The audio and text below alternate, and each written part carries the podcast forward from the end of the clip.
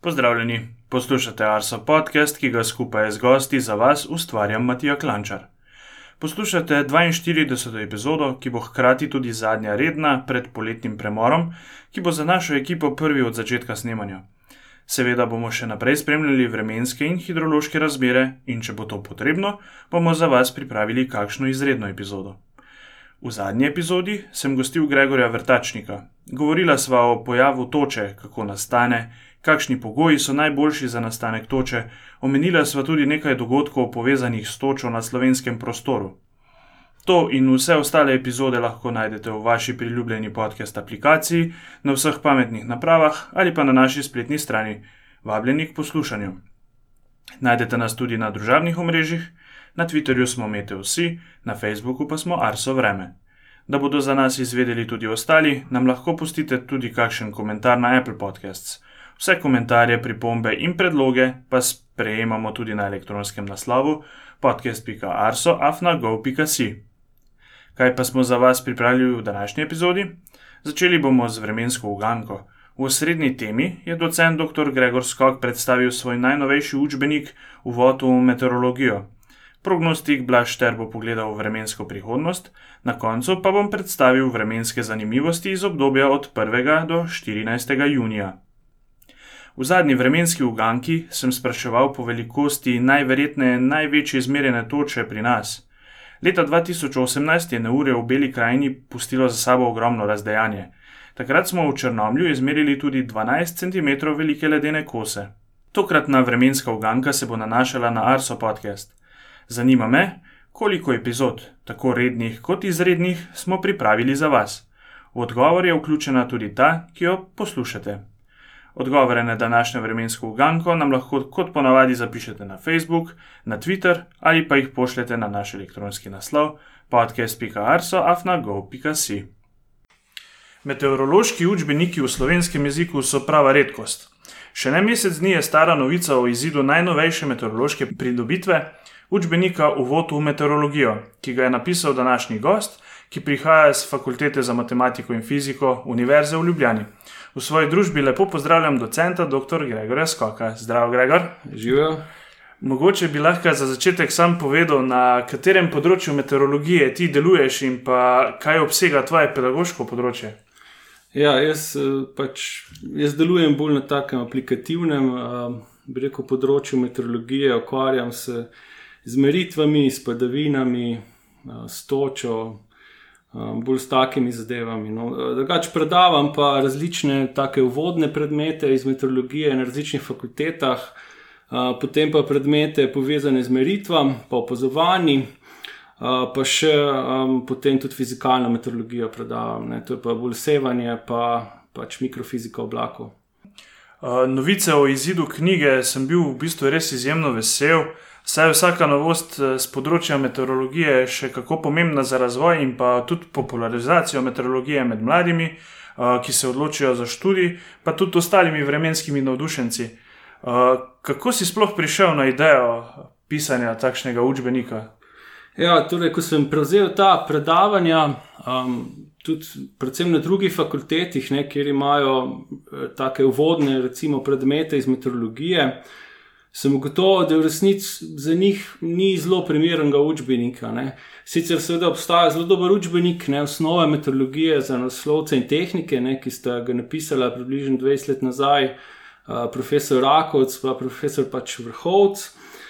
Uh, sam opazil sem, da je pač za te študente teh drugih fakultet ta učbenik na nekoliko previsokem matematično-fizikalnem nivoju, pa tudi tako je. Um, Vsebinsko je zelo obširen, s tem mislim to, da v resnici noče vsebine, ki jih jaz, pač velike takih vsebin, ki jih jaz sploh pri predavanjih ne morem omeniti, ker je preprosto premalo časa. Ne. Tako da sem se odločil napisati en učbenik, ki bo torej na nekoliko nižjem nivoju, ampak še vseeno, seveda, bazira na fiziki, ne, pač fizikalnem razumevanju dogajanja v zraku. Uh, ampak hkrati ne, bo vse na nekoliko nižjem nivoju, pa tudi da vsebinsko bo bolj ustrezal tem, kar predavam no, pri teh predmetih. Ne. Tako da ne bojo notrene stvari, uh, ki potem v resnici v njih ne govorim na predavanjih. Ne. Uh -huh. Koliko časa pa je nastajal ta, ta novi učbenik? Ja, učbenik je nastajal kar dolg, po mojem, od začetka pa do zdaj, do izida, mislim, da je kar ne dve leti, ne, s tem, da recimo tako intenzivnega dela je bilo pol leta ali pa malo več, uh, ko sem ga pač pisal. Uh, potem sem pa še počakal eno leto, uh, zato da sem v bistvu dal v obliki skripte študentom um, potem ta učbenik tako da sem potem ga potem še izboljšal, ne, ne glede na to, so pač, kakšni so bili odzivi, pa kakšni so bili predlogi, pa kako sem nekako ocenil, da bi lahko izboljšal. Ga, Prej si že omenil malo, komu je učbenik namenjen, mogoče zdaj. Uh, če rečemo drugače, omenil si v bistvu, seveda, študente ostalih uh, fakultet, tudi kjer poučuješ. Uh, je mogoče namenjen tudi vem, splošni javnosti, ali lahko kdo lahko prime v roke ta učbenik, pa ga vem, z veseljem kaj prebere, prelista. Ja, ne, pač, primarno je seveda namenjen tem študentom teh fakultet, ne, to so predvsem strojne, ne, pa um, potem geografi na filozofski, uh, sanitarni inženirji uh, na zdravstveni, pa reko uh, vodari na FGG. Ja, ampak zdaj, seveda, um, je pa v resnici tudi za splošno publiko kar primeren, se mi zdi, ne predvsem zato, ker v resnici za razumevanje zadošča nekako, rekel, srednješolski nivo znanja. Ne, zelo redko v resnici uh, je treba več znanja, kakšne matematike, to so pa tudi posebej predstavke v učbeniku, ampak večinoma pa to ni potrebno. No. Tako da res sem se trudil ne, in tem sem res veliko časa posvetil, da sem probo stvari res razložiti na čim bolj jasen način, ne, ki bo razumljiv čim širši publiki. Ne.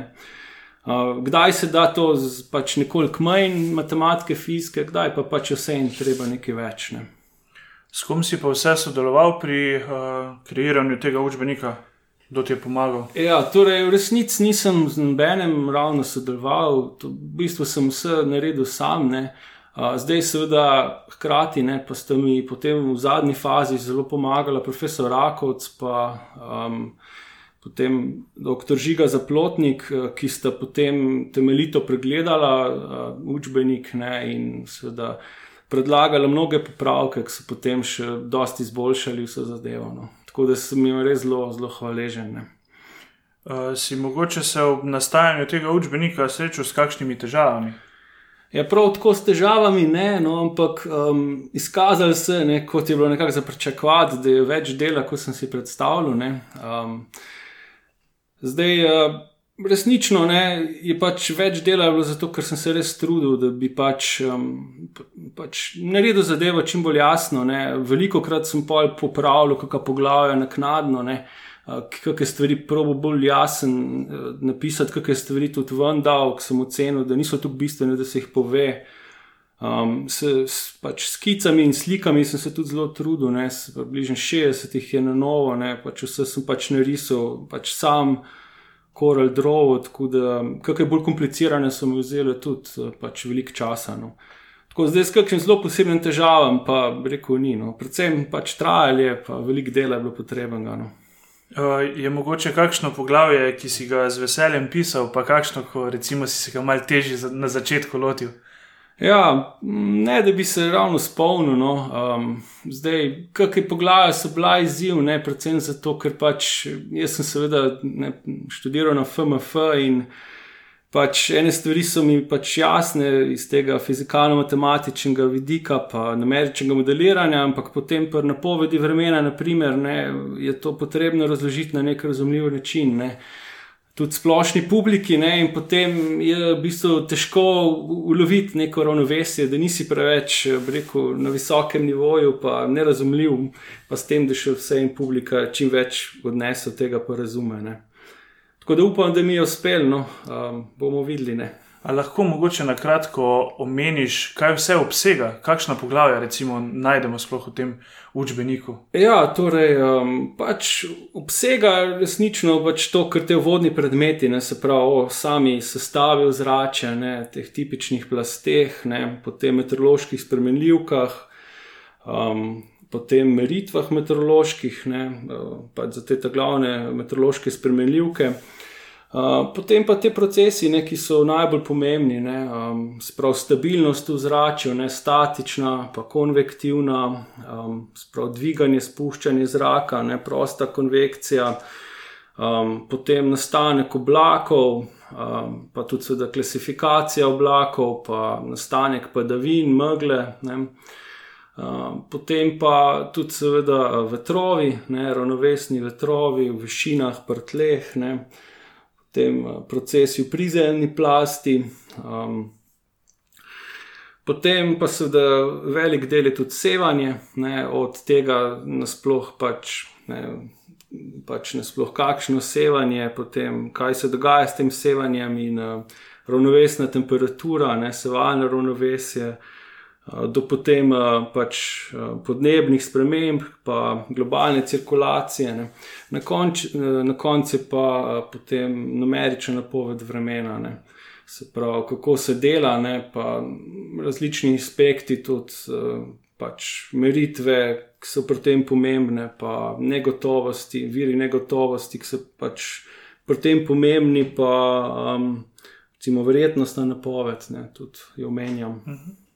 Um, verjamem, drugač, da si mogoče zdaj le koga navdušil, da bi se odločil tudi za nakup tega učbenika.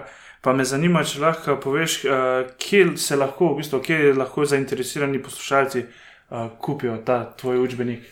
Ja, torej, učbenik je izdala prav fakulteta za matematiko in fiziko, ki ima um, v bistvu zdaj ponovno celo svojo založbo. Ne. Tako da v resnici um, se ga lahko kupi v fizikalni in matematični knjižnici, ki boste v resnici zdaj malo celo združeni um, tam v tisti um, stavbi matematike v Pritličju. Uh, torej, tam se da to kupiti. Um, zdaj lahko povem, ne, tudi, da uh, sem se uspel dogovoriti z založnikom, ne, ki je pač fakulteta, da bo čez eno leto bo knjiga, um, pač elektronska verzija knjige, um, prosto dostopna. Ne kar pomeni, da bo v resnici eh, PDF ne, celotnega učbenika um, prosto objavljen ne, na pač spletni strani fakultete ali pač nekje drugje. Ne. Tako da si ga bo lahko vsak uh, presnel in dubu, ne, um, brez pač um, kakršnih koli vir. Ne. Zdaj, namen tega je tudi, seveda, da bi uh, potem služila kot promocija, ne, um, študija. Ne meteorologije. Pa se mi zdi, da je tudi nekako manjkala ena taka recenzirana knjiga o meteorologiji, ki bi bila pa prosto dostopna, ne? ki bi potem služila kot vir, ne? ki bi ga lahko recimo dijaki ali pa kdo drug navajal. Ne? Uh, pr, vem, naprimer, izdelavi seminarskih nalog ali pa um, pač kakšnih drugih takih zadev. Ne. Mhm. Še zadnje vprašanje. Si mogoče želiš v prihodnosti napisati še kakšen meteorološki učbenik ali pa kakšno meteorološko knjigo v slovenščini? Ja, zaenkrat zdaj ne. ne um, imam pa željo, da bi tega prevedel v angleščino. Um, to zdaj pač ni več tako velik dela v resnici. Um, pač se mi zdi, da bi koristilo predvsem um, temu, ko imamo v bistvu ne tako redko imamo kakšne študente na izmenjavi, ne pri teh predmetih, ki jih učim. Pa v resnici jim nimam nezga učbenika za ponuditi v angleškem jeziku. Ne. Bodi si so te učbenike v angleškem jeziku, v meteorologiji, so, ali so res na takem nivoju, čisto pisnem, da se pravi, niti ene enačbeni noter. Ne ali so pa na takem že res zelo, zelo visokem nivoju, matematično-fizikalnem, ko se pa v bistvu ne znajde več, vsaj tisti študenti, ne, ki niso iz takih fakultet, se pač ne znajdejo. Ne. Uh, Medtem ko s tem učbenikom je pa neka umestna pot. Ne. Tako da, um, ko bom imel čas, bom pač probo ga še prevediti. No. Za kak drug učbenik zaenkrat pa, pa nimam neke zelo velike želje. Ja. Grega, najlepša hvala za tvoj čas, da si predstavil svoj najnovejši pridobitev, svoj učbenik. Ja, hvala, hvala za, za pač intervju. Ne. Nekaj več o tem, kakšni so vremenski obeti, nam bo povedal prognostik Blaž Šter. Lep pozdrav. Ja, v prvi polovici junija smo imeli zelo spremljivo vreme. Skoraj da ni minil dan, kot kje nad Slovenijo niso nastajale plohe, ter tudi nevihte. Začetek meteorološkega poletja so zaznamovale obilnejše padavine, dež je namočil tudi kraje, kjer je bilo predtem zelo sušno, recimo na obali in vzhod Slovenije. Vseeno pa smo preteklo soboto na vzhodu ponekod že beležili vroč dan, segrelo se je malo nad 30 stopinj. Predvsem povsem drugačno vreme pa je bilo v nedeljo, ko so prav v vzhodnji polovici države nastale močnejše nevihte z nelivi in tudi točo. Tudi nad večjim delom Evrope je vreme nestalno, razlog za to pa so območja s hladnim zrakom v višinah, ki so odcepljena od splošnega zračnega toka. Leta se počasi in tudi nepredvidljivo pomikajo. Trenutno smo med dvema takšnima sistemoma. Smo v območju stekanja vetrov, prihaja do dviga, kondenzacije, oblačnosti ter seveda tudi padavin občasne razjasnitve pa privedejo do dodatne nestabilnosti. Danes bomo še pod vplivom stekanja zračne, vlažne zračne mase, predvsem do povdne bo oblačno z nekaj dežja, popovdne pa se bo oblačnost od zahoda trgala, vseeno bo še nastalo nekaj ploh. Najviše dnevne temperature bodo po nižinah okoli 20 stopinj, le ob morju in na goriškem se bo ogrelo do okoli 25. V četrtek bomo prešli pod vpliv območja s hladnim zrakom v višinah, katero središče bo nad Zahodno Evropo. Pričakujemo najprej delne razjasnitve, a se bo zaradi segrevanja čez dan po krajšem premoru popovdne spet začele pojavljati plohe in nevihte. Temperatura po nižinah bo v notranjosti okoli 25 stopinj. Tudi v petek bo vremenska situacija zelo podobna.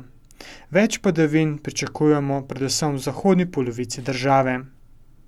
Ob koncu tedna bodo zapihali severni vetrovi, ki bodo prinesli bolj dinamično vreme.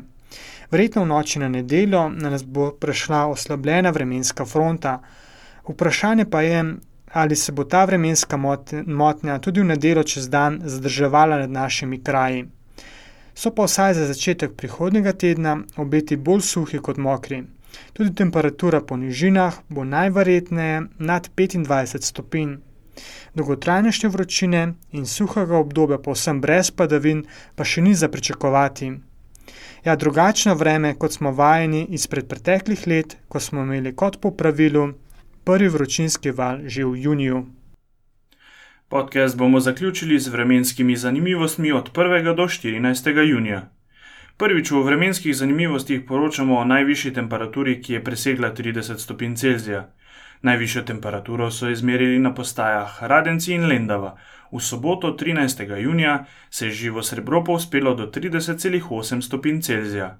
Najnižja temperatura je bila izmerjena na Kredarici, 1. junija je bilo minus 1,5 stopinje Celzija.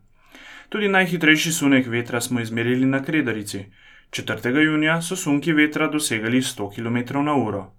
Največ padavin v enem dnevu je v obdobju od 1. do 14. junija padlo na postaji na Voglu. 5. junija smo izmerili kar 240,7 mm padavin. Za konec še podatki o najbolj sončnih postajah. Največ sončnih ur je zabeležila postaja Maribor Vrbanski plato 113 ur in 52 minut. Najbolj sončen dan tega obdobja je bil na postaji na Lisci. 12. junija je sonce sijalo 14 ur in 54 minut. Zadnja 42. epizoda pred malo daljšim premorom je za nami. Vračamo se znova meseca septembra. Hvala vam, dragi poslušalci, za vse odzive, za poslušanje in pozornost. Do septembra pa vam želim obilo lepega vremena. Se slišimo.